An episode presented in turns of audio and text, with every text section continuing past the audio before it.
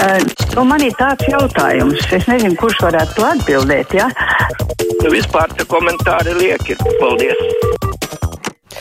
Tāruņa numuru mūsu studijā 6722, 888, 672, 559, varat mums arī sūtīt ziņu no mūsu mājaslapas. Mums klausītāji raksta vakar ģimenes studijā bija tēma par sliktām atzīmēm, šodien par grūtībām tikt vidusskolā. Vai šeit neparādās jautājums, vai mums vispār ir vēlme, lai būtu zinoši cilvēki nākotnē? Tāda sajūta, ka vajag neizglītotus cilvēkus. Tā turpinot nākamā pakāpe, lai to sasniegtu, pieprasīsim no bērnu dārznieku skolniekiem izvēlēties, kādus priekšmetus mācīsieties skolā. Tā raksta klausītāji, kas sevi sauc par laucinieci. Pacelšu klausulu. Labdien! Labdien! Labdien! Jūs atkal pārkāpāt laika limitu, jūs laikam, kā saka, pārkāpiet to žurnālistu ētiku. Man tā liekas. Jums tas šķiet ētikas jautājums. Man gan šķita, ka tas ir saturīgas diskusijas turpinājums, jo es redzu, ka klausītājus šis jautājums ļoti interesē. Klausītājs Gvido raksta, šī jau būs šķirošana gudrajos un ne tik gudrajos, kas nevar tik labi nokārtot eksāmenu, būs otrā šķirs cilvēks, prasīs, nu, kuras skolas esi, ā, no tās, tad jau tu neesi tik gudrs. Un Latvijā ar izglītību nav kārtībā. Igaunā, Igaunijā priecājas, ka eksāmenus ar 100% nokārtojuši visvairāk skolēnu pēdējos gados. Tā mums Gvido raksta. Paceļ klausulu, labdien! Halo! Pazudu klausītājs. Tā Pēters raksta, kāpēc nav nevienas intervijas ar kādu to nelaimīgo jaunieti, kurš grib mācīties, bet nav ticis vidusskolā, varbūt tāpēc, ka mammītes zina, ka izlīdīs āža kāja, proti mācīšanās jau nav viņa prioritāte. Nu, nezinu, tur jau ir Mēs jau stāstījām piemērus, kur ir jauniešiem tīri labi rezultāti, bet kas varēja gandrīz izkrist no iespējas mācīties vidusskolā, jo nebija tajā pareizajā pieteicies. Tā kā tur visādi var būt, un jaunieši grib mācīties, bet nevar. Klausītājs zvana, halo!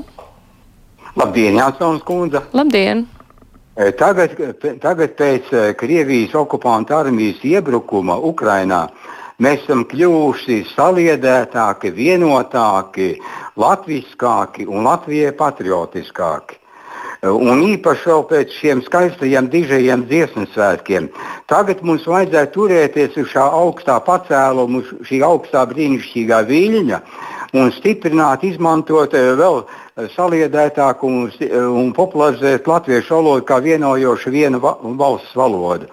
Un, un, un, piemēram, tā, man tās priekšlikums būtu, ja varbūt interesanti būtu iznākums, ka reizes nedēļā, vienu dienu nedēļā, visi latvieši Latvijā runā tikai latviešu valodā, latviešu.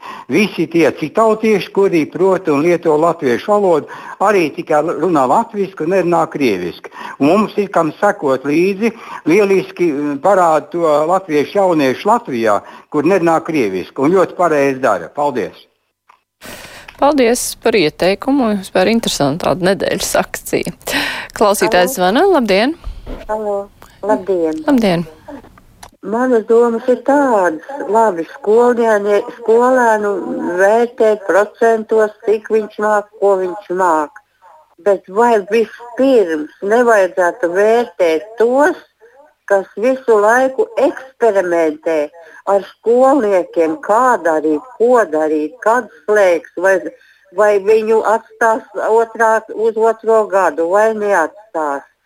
Vai tos, kas visu šito putru vāra, tiem nevajadzētu, tos nevajadzētu mērīt ar procentiem, vai viņš tur ir derīgs, vai viņš tur nav derīgs, kurā vietā viņš atrodas. Jā, tas ļoti interesants tāds tests, tikai kā tādu sastādīt. Klausītājs Vilis raksta, izglītība ir laba lieta, ir tikai viena būtiska nianse, proti jauniešu liela daļa savu nākotni ar Latviju nesaista, birokrāti, protams, maļ savu maļamo. Savukārt cits vilis raksta, kāpēc mēs nerunājam par skolēnu vecāku atbildību mācīties visu gadu atbildīgi nekavēt skolu, pamosties eksāmena rezultātu dienā ir nepareizi un nevar veidot skolas tikai tiem, kam nav atbilstoši rezultāti eksāmenos.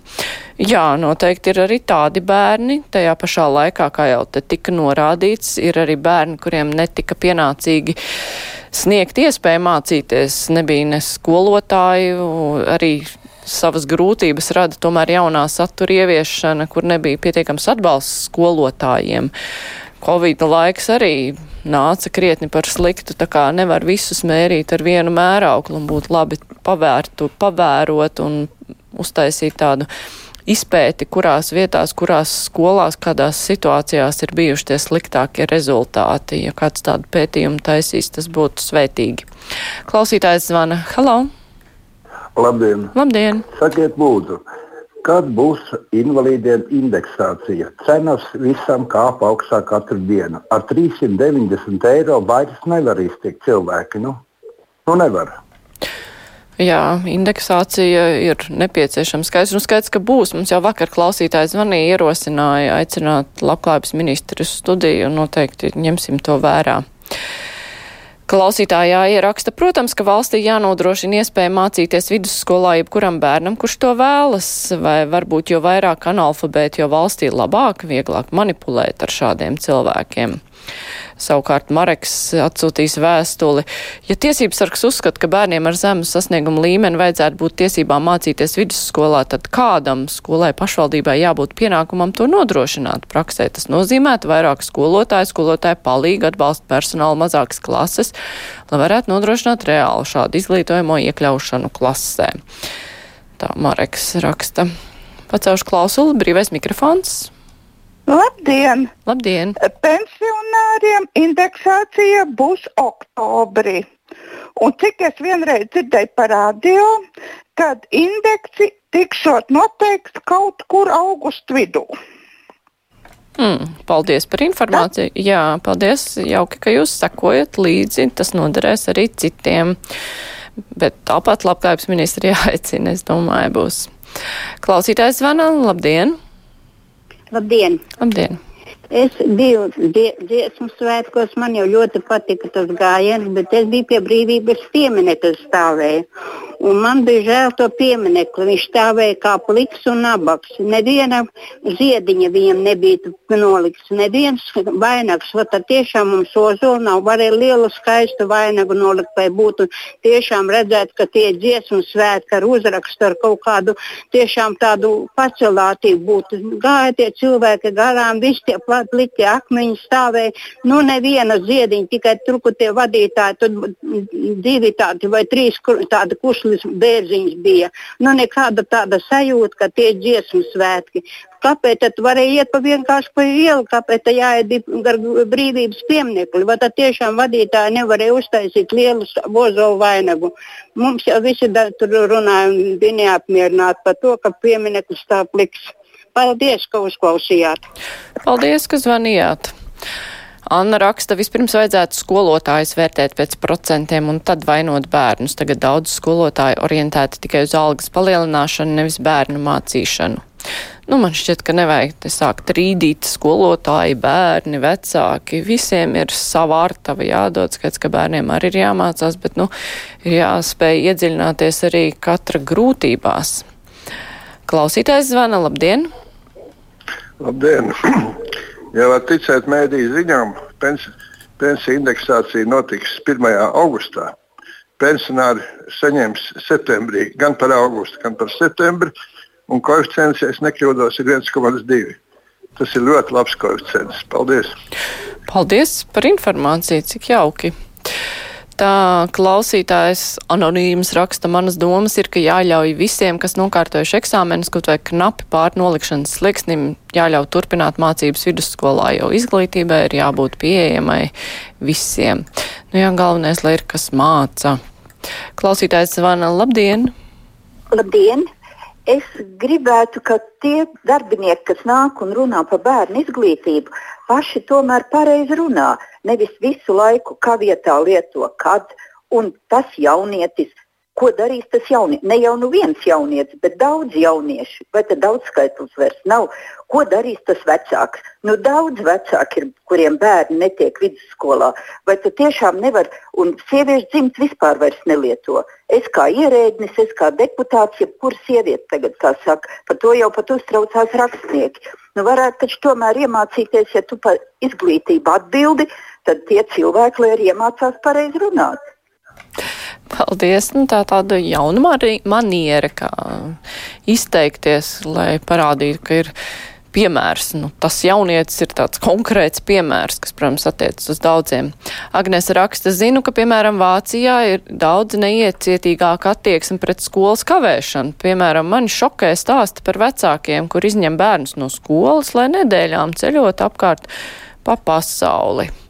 Jā, nu, mums ir ļoti iecietīga attieksme pret uh, ceļošanu skolas laikā. Tas gan. Klausītājs zvana. Labdien! Labdien! Labdien. Māras kundze, vai tā taisnība, ka gatavojas mainīt eiro pret citu naudu? Pirmā dzirdēšana, teikšu atklāti, ka taisītos mainīt eiro. Nekad neko tādu neesmu dzirdējusi. Klausītāja Ilza arī satraucas, kāpēc šajos dziesmu svētkos meža parka lielajā aizstrādē nebija izpušķotas diriģentu kāpnes un podests. Mums ozolu trūkst. Jā, nu šoreiz bija tā cits dizains izdomāts, kādai jāizskatās ir lielajai meža parka estrādē. Labi, klausītāji, paldies jums par zvaniem, paldies par rakstiem, paldies visiem, kuri klausījās. Rīt kruspunktā mums studijā būs žurnālisti, kā jau parasti piekdienā, un tad arī runāsim gan par dziesmu svētkiem, gan arī par jaunā prezidenta pirmo nedēļu amatā. Paldies redzījuma producenta šonadēļ Loreta Bērziņa, studijā bija Māra Jansona. Mēs tiksimies arī rīt. Visu labu!